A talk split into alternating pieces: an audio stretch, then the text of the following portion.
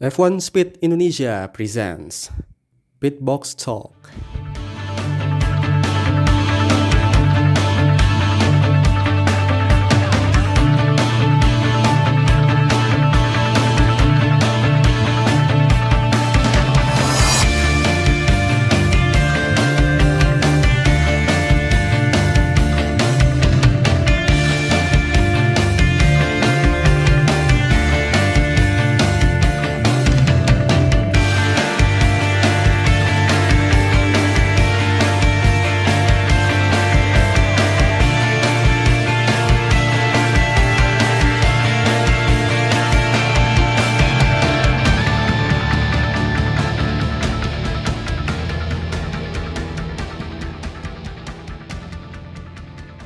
Hai hai hai, selamat malam, pagi, siang, sore, di mana pun kalian berada dan kapan pun kalian mendengarkan podcast ini, selamat datang kembali di podcast Speedbox Talk bersama F1 Speed Indonesia. Kali ini bersama gue Alwi Akbar dan Azim Amedi akan membahas uh, review soal GP Amerika dan beberapa hal pentingnya soal itu. Um, ini kita berdua aja karena satunya ada urusan. Kata gue sih tadinya percaya si Ditya ada urusan, cuman gue pikir mungkin dia fans MU makanya nggak mau ini ya, nggak mau keluar dia, nggak mau nampak, nggak mau menampakkan diri. Padahal belum tentu juga gue ngebahas MU, paling juga bahas Ole. Oke. Okay. um, seperti yang um, gue bilang, kita akan bahas soal um, review GP Amerika um, pertama-tama lu nonton nggak race-nya? Nonton Langsung dari pas jam 2-nya itu. Nonton dari awal sampai akhir. Oh iya. Perlu disclaimer juga sih. Sebenarnya gua nggak nonton pas jam 2-nya tapi uh, besoknya gitu. Gua nonton pas siangnya di hari Senin. Jadi nonton ulangannya. Soalnya gua udah gimana ya? Uh, berusaha untuk udahlah cukup dulu uh, nonton F1-nya soalnya terlalu banyak begadang juga apa ya um, apa namanya menghasilkan sari-sari apa um, menghapus sari-sari kehidupan gitu. Cuman um, ya gue mengucapkan selamat yang bisa bertahan nonton seri JP Amerika sejak hari Jumat sampai hari Minggu. Uh, atau lebih tepatnya Sabtu malam sampai Senin dini hari. Um, ya memang berarti apa ya tubuh kalian kuat dan ya harus dijaga juga supaya nanti balapan berikutnya kan bakal malam-malam malam terus ya. Tapi seenggaknya untuk di Meksiko sama Brazil agak mendingan ya daripada Amerika Serikat. Atau gimana ya? Gua lupa soalnya jadwalnya jam berapa. Kayaknya hampir sama aja deh itu karena di region yang sama kan di uh, region waktu yang sama. Tapi mungkin perlu dicek lagi sih uh, jadwalnya gimana karena um, paling kurang lebih di, sama aja sih uh, di di region Amerika tuh jam 2 itu mulainya untuk race ya. Iya, karena nggak tahu ya, kalau seingat gue itu jam eh kalau Brazil itu jamnya agak lumayan jam 11 gitu. Ya tetap mal ya mau tengah malam cuman jam 11 sampai jam 12 tapi nggak tahu lah kalau misalnya ada perubahan apalagi nanti ada um, seri ini ya um, sprint qualifying di Brazil. Hmm. Nanti kita ya nanti kita nantikan ya di Brazil. Oke, okay, um, apa nih uh, yang dibahas ya? Oh, Max Verstappen menang, terus um, uh, Lewis Hamilton kedua. Tapi sebenarnya apa ya? Bisa dibilang cukup seru ya. Gua gua nonton ulangannya juga apa ya excited gitu. Padahal sebelumnya kan gue nonton highlightnya dulu kan. Abis itu gue nonton fullnya ya 10 lap pertama yang sangat mencengangkan ya. Jarang-jarang dapat 10 lap yang benar-benar uh, battle gitu antar lini yang ya, ya maksudnya yang papan atas terus papan tengah terus berebutan uh, peringkat 3 4 dan segala macam ya kan Zim hmm, betul. Uh, terus juga apa ada strateginya sih yang benar-benar masih masih benar-benar tanda tanya sampai akhirnya Max Verstappen tuh uh, pit di lap 10 kan uh, bener bener kita bener-bener kayak nggak ada gambaran uh, kapan mereka pit, kapan uh, siapa yang undercut, siapa yang overcut gitu. Siap, benar-benar. Uh, tapi sebenarnya lu expect gak sih tikungan satu itu bakal diambil alih sama Lewis Hamilton? Kalau gua sih rada nggak expect tapi gue mewajarkan ya karena memang tikungan satu itu ya lebar gitu kan hmm. makanya bisa ambil kesempatan Lewis Hamilton. Terlebih lagi Lewis Hamilton uh, launchnya bagus banget sih.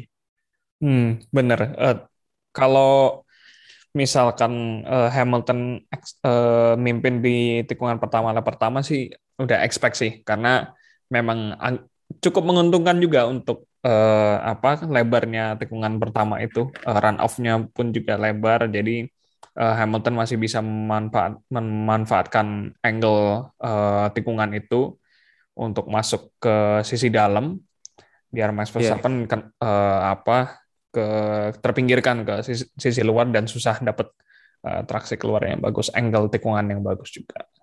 Iya andaikan Max Verstappen pole position terus uh, bisa dinego sama race directornya pindah di sisi dalam apa namanya pole sitternya itu mm -hmm.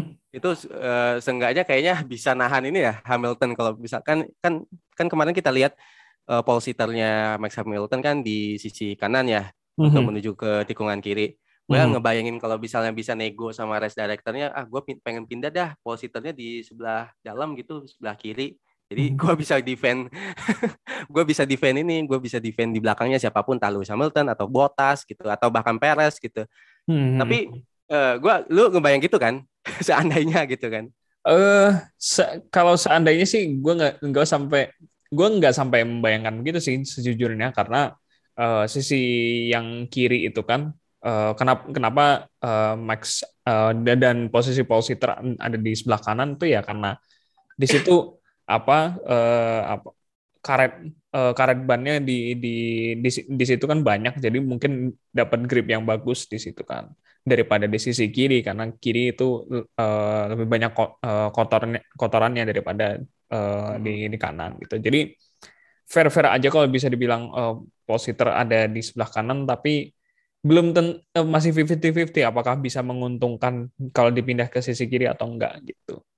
Iya, ya belum tentu juga kalau misalnya benar launchnya lebih baik lagi Lewis Hamilton kan bisa aja dari sisi luar gitu kan outside gitu langsung hajar itu lebih lebih lebih kacau lagi sih startnya Lewis Hamilton. Tapi agak sedikit berpindah dulu dari Lewis Hamilton sama Max Verstappen um, sebuah duel trio yang ganas antara uh, Ferrari dan duo McLaren di mana Carlos Sainz harus berjibaku dengan duo McLaren dan hmm. Ricciardo dan Lando Norris. Ini benar-benar excited banget sih. Um, banyak yang bilang ini kangen. Oh, akhirnya kita disuguhi pertarungan klasik antara Ferrari dan McLaren seperti tahun 90-an. Hmm, hmm, betul. Dan ini ya uh, benar-benar sa sangat sengit gitu dan benar uh, sangat dekat gitu dan hampir senggolan ya kan antara bertiga itu si Sainz, Ricardo sama Norris dan itu jadi jadi kayak sebuah sebuah apa ya sebuah bukti kalau um, segitu tuh uh, persaingannya uh, Ferrari dan McLaren saat ini gitu uh, mungkin uh, reminiscing dengan uh, apa zaman-zaman klasik ada klasik 90 atau uh, dua atau 2000-an awal gitu. Cuman agak uh, agak beda kondisinya karena mereka sekarang lagi bersaing di papan tengah gitu untuk untuk uh, posisi ketiga di uh, klasmen lah. Gitu. Tapi uh, yang kerennya ya ya itu sih mereka benar-benar bisa ya walaupun ada sempat mengeluhkan eh, apa satu terlalu mendorong uh, yang lain keluar track gitu.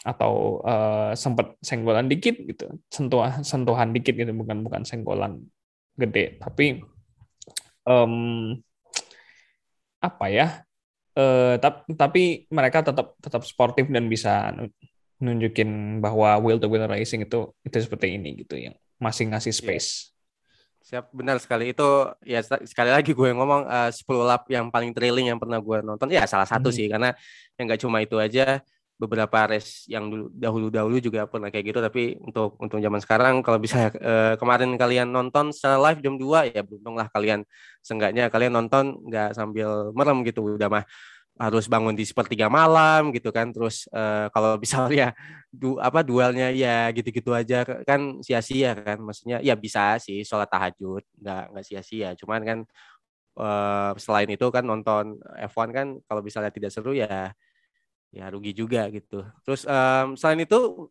agak sedikit uh, di papan tengah benar-benar tengah-tengah gitu. Mm-hmm. Uh, sempat juga ya di pertengahan menjelang pertengahan lap gitu. Um, Giovinazzi sama siapa Alonso terus Raikkonen sama Alonso pokoknya uh, duel ini ya uh, duel track limit ya kalau hmm. kata Diti ya waktu nge-tweet di uh, Twitter gitu ya Hmm, bener. Uh, saling mengeluhkan nih, ini apa uh, gimana mereka salip-salipannya dan um, gaining advantage yang juga untuk uh, dapat keuntungan ketika uh, wheel to wheel racing itu. Jadi itu sempat dikeluhkan oleh yang kru tim uh, Alpine kan pernah uh, waktu itu di salah satu salah satu uh, lab mengeluhkan ke FIA waktu itu langsung tim radio ke Michael Massey. Um, so, uh, soal track track limit apakah bisa ini uh, dapat uh, advantage ketika uh, keluar dari tikungan? Terus uh, Michael Messi bilang uh, nggak nggak bisa itu itu harusnya uh, mereka uh, apa harus kasih kasih ruang dan uh, memastikan kalau mobilnya nggak benar-benar di luar di luar track gitu uh, kayak kayak gitu jadi benar-benar inilah uh, mencoba saling meng mengoreksi uh, apa gaya balap uh, lawan-lawannya gitu di situ. Hmm. Hmm. hmm. Iya, uh, ya itulah. Uh, pokoknya ini ya rata semua lah uh, persaingan antar lini-lini uh, yang papan atas, terus papan tengah, ya sebagian papan bawah gitu kan um, ya rata lah. Uh, ya meskipun begitu, ini kita akan ngefokus lagi soal Max Verstappen dan dan Lewis Hamilton. Um, kata kata orang banyak yang nggak expect Red Bull bisa lawan Hamilton di kota gitu karena banyak yang bilang uh, memang harusnya Mercedes, uh, ranahnya Mercedes ini wilayahnya Mercedes gitu.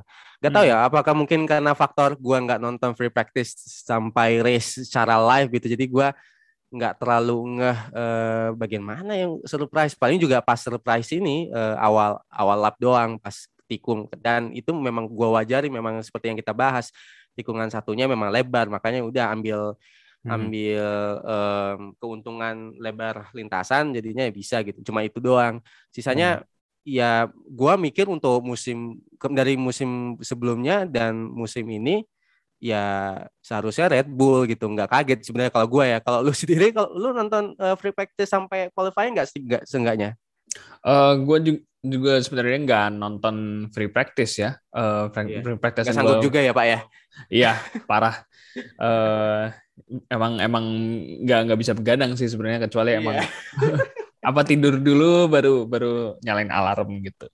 Uh, tapi kalau ngelihat dari uh, highlights highlights uh, free practice gitu ya, um, memang awal memang awalnya uh, Mercedes itu unggul gitu uh, di free, practice pertama terutama gitu. Uh, ngelihat gimana pace mereka uh, bagus uh, de terus dengan adaptasi dengan uh, karakter sirkuit Austin yang juga juga apa uh, ba banyak naik turun banyak elevasi lah. Terus ke, uh, tikungannya pun juga bervariasi gitu. Uh, Mercedes benar-benar diunggulkan tuh apalagi dengan tikungan cepatnya. Um, tapi entah ya karena mungkin karakter aspalnya juga yang makin bumpy gitu ya makin bergelombang um, Mercedes itu punya kesulitan di situ. Mungkin entah itu di suspensinya atau mungkin stabilitas aerodinamikanya ketika melewati uh, apa gelombang di aspal itu, gelombang di track itu apakah berpengaruh atau enggak itu eh, gue kurang tahu sih teknikalnya gimana. Cuman uh, awal masalahnya mulai dari situ. Uh, dari segi ban mereka aman tapi uh, apa untuk coping dengan dengan Eh, karakter karakter tracknya tiba-tiba seperti hilang dan akhirnya Red Bull punya uh, punya keunggulan di situ dengan kita lihat Sergio Perez menguasai uh, eh, FP2 dan FP3 gitu. Sempat juga di di Q3 uh, dia yang paling cepat kan tapi habis itu uh, dikalahin sama Verstappen sama Hamilton gitu. Jadi benar-benar terkejut lah uh, tiba-tiba pace Mercedes ini pada ke mana gitu. Uh, kenapa tiba-tiba si Red Bull yang kayak ya walaupun performanya bagus gitu selama selama musim ini di hampir semua track, tapi nggak terlalu diunggulkan lah di di uh, Amerika. Cuman uh, akhirnya mereka bisa unggul dan dapat podium itu kan uh, luar biasa begitu. Hmm. hmm, hmm, hmm. Iya, um, ini sebenarnya apa ya? Gua gua kemarin waktu nonton ulangannya tuh ya kayak baku gitu, melar gitu. jadi jadi lumayan lumayan enak untuk menganalisa um, sirkuit kota ini kan berdasarkan hmm. dua mobil tersebut. Ya Mercedes cepat di lurusan, terus beberapa ini ya beberapa tikungan yang landai, terus um, kalau misalnya Red Bull ya semua tikungan bablas gitu kan. Mm-hmm. Ya itu dia pas dilihat uh, forecast battle-nya memang memang ya naik turun naik turun kayak melar kayak karet melar gitulah. Jadi yeah, oh enak juga ya kayak di baku gitu. Oh jadi bisa sah, gitu analisa ala-ala gitulah ya. Mm-hmm. Um, ini persoalan atau bukan persoalan sih ini isu yang isu yang hangat juga nih dari Red Bull uh, atau yang jadi pembicaraan kok hangat sih uh, yang jadi banyak dibicarakan gitu. Bagaimana Red Bull apa ya uh, dua stop undercut yang dinilai max dan sebagian besar orang itu sangat beresiko gitu undercut. Tapi kalau misalnya gue lihat ya wajar-wajar aja gitu. Mau lu sitting duck di belakang Hamilton sampai kapan? Sementara um, sempat itu seperti yang kita upload di video kan uh, siang hmm. tadi siang itu ya kalau misalnya dibiarin aja ya uh, bannya meletup udah tahu uh, aspal sekarang di kota lumayan abrasif juga hmm. uh, ditambah dengan terik matahari yang sangat sangat ini ya wow dingin sekali panas iya adem banget sih um, It, itu memang memang benar-benar yang bikin bingung uh, strateginya gimana. Tapi um, Red Bull akhirnya berani ambil resiko untuk ayolah uh, kita kita coba coba undercut aja gitu. Uh, kita mungkin uh, abisin ban dulu uh, sampai pertengahan balapan baru nanti uh, kita juga pit, pit lebih awal gitu. Uh, cukup agresif sebenarnya uh, kalau kalau mengingat uh, bannya Max itu di di pit stop kedua itu um, apa bakal ke kemungkinan kemungkinan tuh susah untuk sampai akhir kan untuk uh, untuk bisa stabil segitu pace-nya gitu. Tapi uh, mereka berhasil mengeksekusi uh, dengan baik dan mereka pasti juga udah punya data-data ini gimana ya penyesuaian dengan uh, iklim sekitar uh, kota itu tuh. Tapi uh, ya, uh, itu, itu sih yang bikin bingung kenapa uh, apa ya Mercedes uh, agak ba, uh, baru bisa uh, uh, agak lama responnya atau mungkin apa ya baru berhasil itu di di pit stop kedua itu itu yang yang bingung. Entah harusnya harusnya di, di pit stop pertama uh, mereka itu juga udah bisa agresif dan bisa potong jarak se, secepat itu. Tapi uh, ternyata ternyata sampai lap berapa ya sampai lap uh, 30-an. 30-an sampai Hamilton akhirnya stop kedua itu belum belum mangkas jarak uh, banyak gitu. Jadi uh, ya mungkin apa ya kondisi ketika balapan berbeda dengan data-data yang mereka kumpulkan dari free practice. Iya atau mungkin kayak di Turki ya masih nyaman sama sama bannya habis tuh kayak nah, udah dirasa udah nggak enak ayo koi masuk masuk itu bisa bisa jadi, bisa jadi. Uh, tapi gini, uh, eh, gue ngelihatnya ditambah lagi sama Mas Azu Ananda uh, kemarin waktu di podcastnya balap main balap. Mhm. Iya, mm-hmm. gue melihat bahwa Max Verstappen sebenarnya alih-alih agresif uh, kedua pit stop, tapi sebenarnya dengan dua fungsi yang berbeda gitu. Kalau misalnya pit stop pertama itu benar-benar nyerang gitu, ngejar Lewis Hamilton, tapi kalau misalnya pit stop kedua lebih ke defense. Uh, jadi kayak apa ya? Permainan sepak bola gitu. Pas udah ngegolin, lu defend gitu kan buat mempertahankan skor gitu. Ini yang gue lihat di Max Verstappen uh, dan memang betul kan pas dilihat uh, akhirnya gitu uh, justru yang yang tadi yang lu sebut juga di pit stop kedua tuh bagus malah Lewis mm-hmm. Hamilton dan benar-benar nyerang si Max Verstappen tapi ya itu tadi Max Verstappen benar-benar uh, apa namanya gue pengen defend nih gitu kan mm-hmm. itu sih itu gak sih yang lu, lu lihat atau punya apa ya arah lain gitu pendapatnya? Eh uh, gimana ya kalau soal defensif mungkin iya ya ketika di pit stop kedua gitu karena uh, Red Bull pun juga udah tahu kalau um, mereka ban mereka juga nggak bakal awet sampai akhir gitu mereka perlu uh, jaga ban dan akhirnya akhirnya jaraknya antara Verstappen sama Hamilton kan nggak terlalu nggak terlalu gede itu sekitar kisar masih kisaran empat detikan gitu tiga detik gitu setelah pit stop kedua. Hmm. Nah uh, mereka itu mungkin benar-benar nyuruh Max biar jaga jaga pace nih jangan terlalu agresif. Karena kalau terlalu agresif misalnya uh, di tiga lap terakhir uh, inget tuh kata kata Bono di di radionya Hamilton. Tiga lap terakhir itu yang krusial uh, uh, buat buat mereka berdua. Tapi uh, Max akhirnya bisa bisa benar-benar mengontrol uh, gimana bannya.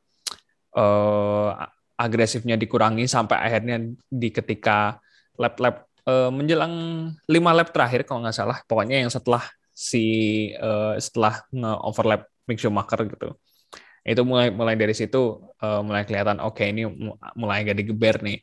Walaupun Hamilton juga di situ uh, agak digeber karena bannya pun juga masih awet kan. Uh, dia 9 lap uh, lebih lebih muda lah bannya gitu. Tapi um, Ciamik juga uh, bisa bisa bekerja se, seoptimal itu walaupun uh, udah uh, ban udah sekitar ber, uh, berapa lap uh, uh, di luar dan mungkin agak dipush juga untuk uh, keluar dari traffic gitu kan tapi masih hmm. bisa mempertahankan uh, ke, apa pimpinan lomba sampai akhir sampai finish dan Hamilton mungkin uh, agresifnya pun juga sempat terhambat juga dengan traffic mereka uh, uh, mereka berdua mengalami masalah yang sama dengan traffic dan agak sulit juga untuk uh, nyalip di twisty section gitu kan di, di uh, sektor pertama sama sektor ketiga. Jadi uh, ya gitulah. Iya. ya, uh, ya gitulah ya. Jadi uh. um, yang yang mereka lakukan juga memang memang semestinya sih kalau kalau kalau kata Mas Azwan ya. Uh, tapi kalau gue um, memang memang keadaannya begitu sih sama sih pendapat gue sama Mas Azwan Ananda setelah hmm. gue lihat lagi full full race nya Um, dan ini apa agak lompat sedikit selain um, pembahasan apa ya rivalitas antara Max Verstappen dan Lewis Hamilton.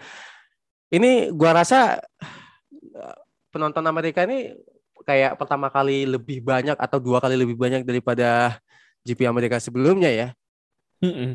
Itu karena kebantu juga dengan uh, Liberty Media ya uh, sebagai pemilik uh, mayoritas saham F1 gitu dan uh, marketing mereka yang luar biasa lewat sosial media gimana mereka mengengage uh, apa audiens-audiens di Amerika uh, menggait fans-fans baru uh, terutama lewat Drive to Survive gimana mereka mengenalkan uh, apa dunia F1 gitu uh, kepada publik di Amerika um, ya itu sebagai ini ya sebagai uh, keuntungan komersial tersendiri gitu buat F1 akhirnya bisa uh, uh, meningkat popularitasnya di di Amerika Serikat gitu. Jadi um, memang uh, di luar ekspektasi sih sampai 400 ribuan orang uh, memenuhi selama tiga hari tuh. Uh, uh, selama tiga hari memenuhi tribun-tribun di uh, Circuit of the Americas dan ya salut sih salut um, dengan uh,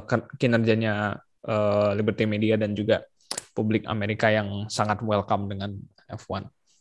Ya, tapi itu sebenarnya berdampak buruk bagi kesehatan uh, masyarakat Indonesia yang suka F1 ya karena benar harus tengah malam, harus tengah malam dan lu udah dengar gak sih uh, gosipnya bahwa setelah 2002 atau 2003 2023 uh, ditambah satu lagi selain Miami kota dan Las Vegas. Gua nge-tweet kemarin uh, Zim gua bilang astagfirullahalazim gitu karena mm -hmm.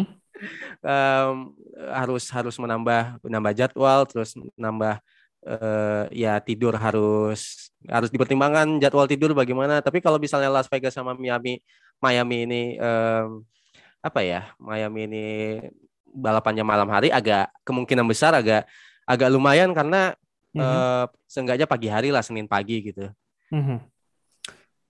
um, itu sih ya nata jadwalnya itu yang ribet yeah. uh, apalagi apalagi uh, apalagi 23 balapan kan uh, uh, kalau misalkan triple header dan ada juga yang uh, tiga kali balapan di di uh, benua Amerika nah itu bener-bener dah uh, bakal ribet banget pasti dengan, fans-fans yang ada di Asia khususnya Indonesia gitu.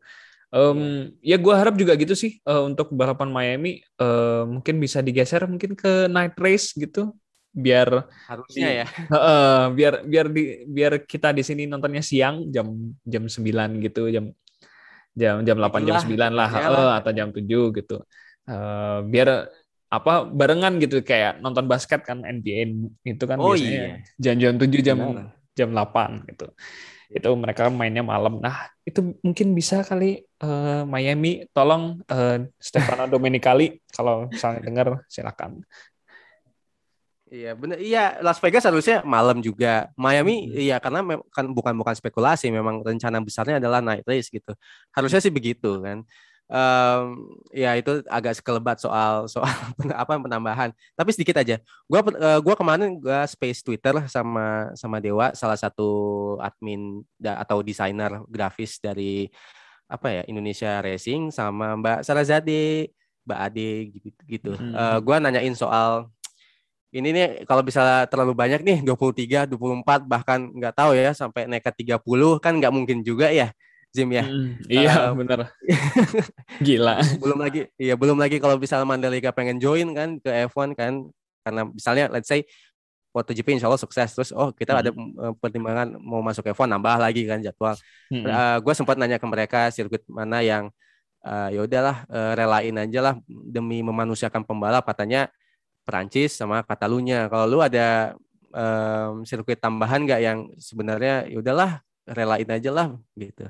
Hmm. Perancis Catalonia setuju sih karena memang mungkin uh, permainannya uh, susah buat will to will tapi Perancis uh, di di musim ini kan juga lumayan seru tuh uh, akhir-akhirin. Tapi, tapi ya udah uh, kalau misalnya memang di let go nanti oleh F1 ya kita apresiasi gitu. Um, mungkin satu lagi apa ya yang kira-kira pantas buat dilepas Um, Sochi kali ya. Sochi kali. Iya. Tapi kan mereka ke Algra eh bukan apa pindah ke ini Saint Petersburg. Saint Petersburg. Oh, oke okay. kalau kalau kalau Rusia Hmm, kita lihat nanti Saint Petersburg gimana. Kita lihat ya. Kalau bisa Rusia itu depending karena musim selanjutnya eh ya musim 2023 pindah ke Saint Petersburg. Kalau mm-hmm. apa coba coba ya kita mikir nih. Gue juga sambil mikir nih kira-kira ah, mana ya. sambil buka-buka kalender kali, kalender.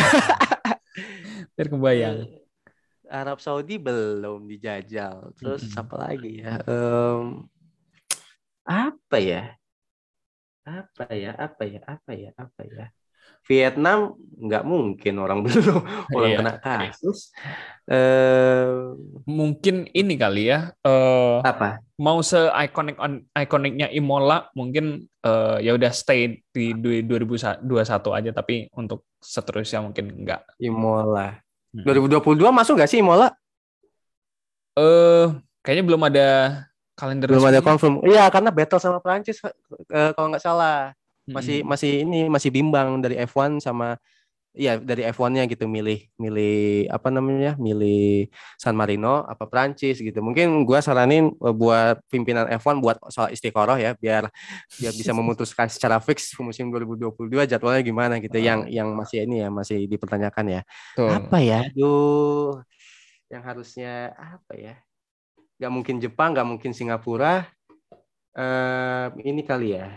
Uh, Belanda nggak mungkin lah baru mungkin. juga Verstappen Verstappen masih ada. Ya, ya Verstappen juga. Aduh apa ya? Ah, Abu Dhabi sih. Lepas aja kayaknya. Ya oh iya Abu Dhabi. Tapi depend of decision juga. Mereka kan hmm. ngerubah. Terus ah, pakai ala-ala banking juga. Hmm. tapi kok uh, ini deh jangan jangan terlalu banyak. Harusnya sih Qatar ya hmm. terlepas dari gua nggak ngomong nggak gua gua ngomong Qatar bukan nggak suka sama negara Arab gitu. Kalau kayak hmm. gitu mah gue juga bakal ngapusin Bahrain. Kan gua udah nulis tuh. Hmm. gua gua juga setuju kalau misalnya uh, ya setuju setuju aja ya nggak nggak jadi soal. Cuman Qatar juga depending ya. Wah pusing lah. Iya tergantung nanti ya. Om Domenicali gimana. Karena memang gini gini loh, karena uh, kita kita semua tahu musim ini berbeda lah ya. uh, berbeda secara kompetisi, berbeda juga secara ada per, ada banyak jadwal baru, ada juga perubahan layout. Ya paling kuat ya itu tadi Katalunya antara Katalunya sama um, Prancis. Oh, gua kayaknya radikal sih, Monaco deh. Hmm, iya, iya. ya. Itu agak setuju sih karena walaupun se-ikonik-ikoniknya Monaco mungkin kurang menarik juga untuk uh, eh, F1 sekarang, F1 modern gitu. Ya terlepas kasihan juga ya uh, akamsinya Sono nggak belum belum belum menang-menang juga. Tapi iya. ya ya terus apa namanya uh, sumbangsih Monaco terhadap F1 juga tinggi. Um, ya ya mohon maaf karena uh, Monaco juga gue frustasi nontonnya. Uh, kecuali kecuali kalau misal kayak kemarin tuh kayak Formula E ya itu itu bagus banget sih Formula E. Gue juga iri sama sama Formula E bisa bisa menampilkan sajian balapan yang tidak biasa di F1 gitu. Itulah. Nah, uh, kita kita tadi agak ngelantur ke 2022 tapi nggak apa-apa. Uh, balik lagi ke GP Amerika Serikat. Gue mau ngomong ini sih sebenarnya um, karena dari kemarin terus tadi siang banyak yang ngebahas soal uh, Martin Brandel yang wawancarain salah satu seleb. Uh, mohon maaf gua nggak kenal karena memang nggak ya memang masa gua harus kenal semua selebriti di Amerika Serikat selebriti di Indonesia aja gua nggak nggak nggak apa-apa. Itu yang kabur dari karantina aja gua nggak ngeh itu siapa. Um, um, pas pas Martin Brandel iseng sebenarnya uh, wawancara tapi kan ya nggak mungkin lah namanya tidak semua tidak semua selebriti itu tahu detail soal soal F1 uh, tapi kan mereka kan cuman diundang terus habis itu ya ramai-ramein aja gitu ya Martin Brandel pertanyaan iseng aja kan uh, hmm. apa namanya kayak nanya atau minta lu nge-rap uh, nge-rap gak di sini gitu enggak lah ini, ini. Hmm. tapi persa uh, tapi persoalannya adalah uh, sikap dia ataupun bahkan uh, teman-temannya atau bodyguardnya yang nggak respect sama let's say Martin Brandel bukanlah um, legend F1 gitu ya tapi seenggaknya ya wartawan lah ya kan wartawan ya nggak mm -hmm. nggak harus diperlakukan sampai kayak didorong gitu kasihan orang tua pak ya Allah Martin Brandel lu melihatnya seperti apa? Uh, eh, gue malah uh, nggak terlalu keep up dengan uh, hal itu sih karena hmm. apa ya ya gue kayak cuman yeah. sekadar uh, nonton aja gitu uh, nungguin nungguin race nya tapi uh, ya ya ya itu masalah yang seharusnya ya udahlah gitu. Uh, memang cuman mau minta pendapat aja dari dari selebriti yang lagi ini.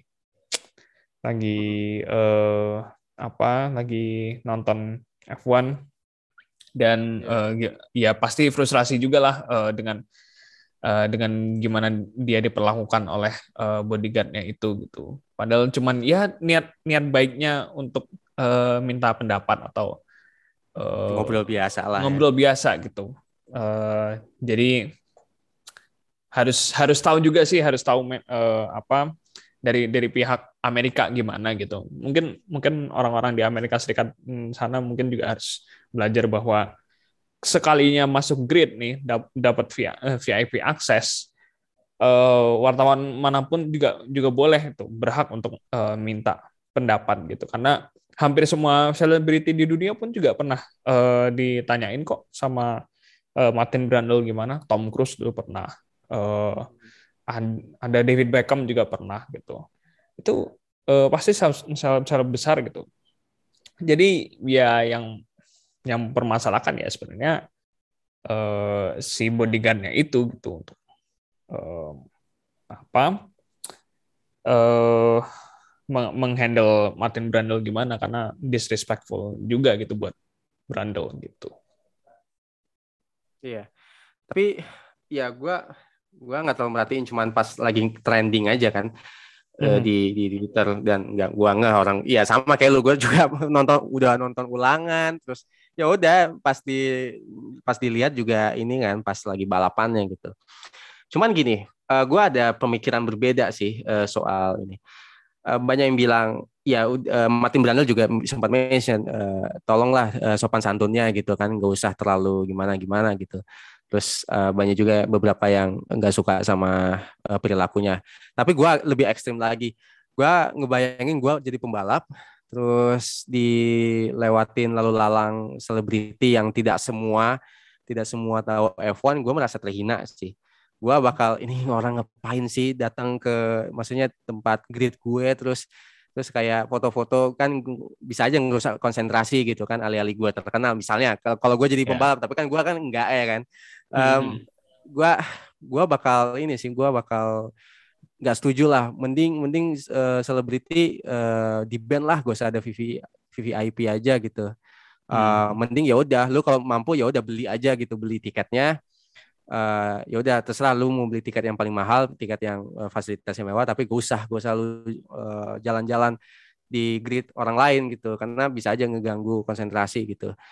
Um, kalau gue ya, kalau gue, karena apa ya, udah mah F1 olahraga yang mahal, terus lalu lalang lu selebritas uh, yang yang belum tentu tahu F1 juga, ini kan malah memperparah ini ya, kayak kesenjangan sosial antara uh, gua apa namanya lu misalnya penonton uh, biasa yang suka F1 tapi nggak punya duit banyak cuman bisa nonton TV atau bisa streaming gitu terus lihat kayak gitu mm -hmm. kayak kan jadinya apa ya um, kecemburuan sosial gitu. Mending ya udah nggak usah. Lu kalau bisa mampu ya udah beli tiket biasa aja gitu. Beli tiket yang paling mahal ya terserah. Yang penting lu jangan uh, lalu lalang gitu. Mending di band aja sekalian. Kalau gue ya kalau gue itu kan um, apa ya? Ya itu tadilah. Kalau lu sendiri punya punya uh, gimana tanggapan lu terhadap opini gue? Eh, uh, tanggapannya mungkin apa ya? Ah, mungkin sebenarnya pengen men, pengen menyortir aja sih uh, seleb yang beneran emang suka F1 uh, siapa aja itu bolehin masuk aja dan uh, syaratnya ya bebas dari bodyguard atau bodyguardnya satu lah gitu sengganya gitu. Pendampingnya satu jadi nggak sampai sebanyak itu nggak sampai bawa rombongan um, terus tapi ya susah menyeleksinya juga kan selebriti mana aja yang uh, tahu uh, eh, F1 di mana siapa aja atau yang mengemari F1 siapa aja. Karena uh, yang insiden salah uh, apa salah ngibarin bendera di lab lah terus kemudian um, ada foto-foto sok-sokan uh, tertarik sama F1 gitu ya kita nggak tahu apa yang ada di pikiran uh, para seleb itu gitu. Cuman um, ya itu mungkin harus ada guidelines-nya gitu uh, tiap mau pembelian tiket VVIP bahwa mereka harus setuju dengan syarat dan ketentuan yang udah dikasih ke F1 gitu bahwa uh, grid ini bebas gitu. Kalau misalkan dimintain pendapat oleh uh, apa oleh media gitu ya terima-terima aja. Kalau misalkan menolak ya uh, ya apa bilang aja uh, not interested gitu.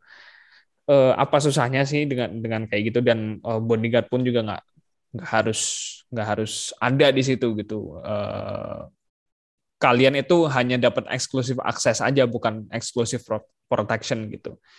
Kayak gitu sih mungkin ke selebriti dunia gitu mau siapa pun itu mau entah dari Amerika Serikat atau Eropa atau Asia pun gitu. Iya, karena memang um, gue juga, iya kalau kesannya kayak gitu sih, kayak seakan-akan uh, is is all about you gitu, is all about you, bukan bukan lu memeriahkan um, ajang ini sebagai ini sebagai ya udah rame gitu, tapi tapi uh, apa ya, jadi batu loncatan buat lu buat bisa terkenal, jadi seakan-akan itu itu yang gue gua keluh kesahkan. Kayak mending gak usah lah gak usah ada artis selebriti tiktokers uh, insta apa selebgram segala macam misalnya gitu ya misalnya. Kan kan itu kan udah mah mahal terus lu mencari mencari views juga kan justru agak agak sedikit ini juga ya uh, untuk ukuran luar negeri ya, gue nggak ngomongin Indonesia karena untuk ngomongin Indonesia uh, agak sedikit berbeda ya, makanya gue sempat tulis kenapa uh, nanti kita kita ceritakan uh, bahas kapan-kapan uh, lah gitu. Tapi kan untuk hmm. untuk global kan udah udah banyak mau mau cari lagi gitu. Ya udah gak usah gak usah terlalu bikin seakan-akan udah mahal, terus gaya hidupnya makin mahal. Ya, ya, ya makin makin susah kasihan kayak orang-orang kayak kita kita gini. Gitu. Bener-bener. Um, ya ada lagi uh, pendapat lo atau mungkin ya yang nggak terlalu perhatiin juga ya dari lo juga katanya. Hmm, hmm, hmm. gue juga nggak terlalu merhatiin tapi intinya gitu deh uh, hmm. jangan ngerasa jadi orang eksklusif gitu kalian cuman punya uh, eks eksklusif akses buat ke paddock atau ke apa dekat-dekat uh, pembalap di grid gitu. Tapi nggak selebihnya itu uh, kalian nggak nggak punya itu gitu. Mm -mm, iya. Ya itu uh, sekali lagi sekali lagi gue ngomong kalau ke ini untuk untuk konteksnya konteksnya global gitu. Hmm. karena kalau misalnya konteksnya Indonesia gue udah pernah nulis soal kenapa TV rights uh, Indonesia itu atau uh, seenggaknya harus eksklusif gitu untuk untuk TV di Indonesia karena beberapa lain hal mungkin sebagian besar dari kalian udah pernah baca itu kan konteksnya Indonesia kalau ini yang kita bicarakan konteksnya global gitu ya uh, mungkin itu aja kali ya pembahasan kita. Kalau gue sih yeah. karena nggak terlalu maksimal nonton F1 karena memang nontonnya cuma ulangan doang gitu. Uh, oh iya, um, ada sedikit review singkat soal nanti di Meksiko bagaimana? Review singkat Meksiko. Um, ini bakal neck and neck sih antara uh, Red Bull dan Mercedes gitu. Walaupun yang hmm. mengunggulkan bahwa track ini Red Bull banget gitu dengan yeah. Iya. uh, apa tikungan lambatnya gitu atau tikungan mediumnya gitu. Terus um, dengan uh, satu uh, apa ya udara yang tipis gitu di, karena iya. di di apa dataran tinggi itu lebih menguntungkan Red Bull katanya. Tapi ngelihat dengan uh, ngelihat peta persaingan uh, sekarang mungkin agak susah untuk menentukan apakah yang diunggulkan Mercedes atau Red Bull karena kita perlu lihat nanti di free practice gimana. Ya, uh, ya kalau gue sih memang karakteristiknya ya Red Bull khususnya di Honda. Uh, karena dulu gue pernah nonton ya box box now gitu kan kemarin hmm. nonton kenapa Honda, uh, Honda itu jago kalau misalnya lagi dataran tinggi pokoknya udaranya tipis uh, mesin lebih terkendali lagi dan lebih moncer gitu. Hmm. Uh, cuman gue gua jarang ya nonton di Meksiko. Ini Amerika aja udah udah bersusah payah gitu nontonnya. Ini Meksiko yang jadwalnya ya hampir sama kayak Amerika Serikat. Jadi uh, kita lihat aja uh, persaingannya lima lima apa namanya lima balapan terakhir dan sebagai info uh, karena Max Verstappen menang jadi melebar menjadi 12 poin walaupun begitu masih bisa dikejar kalau misalnya Mercedes mau berusaha dan bertawakal.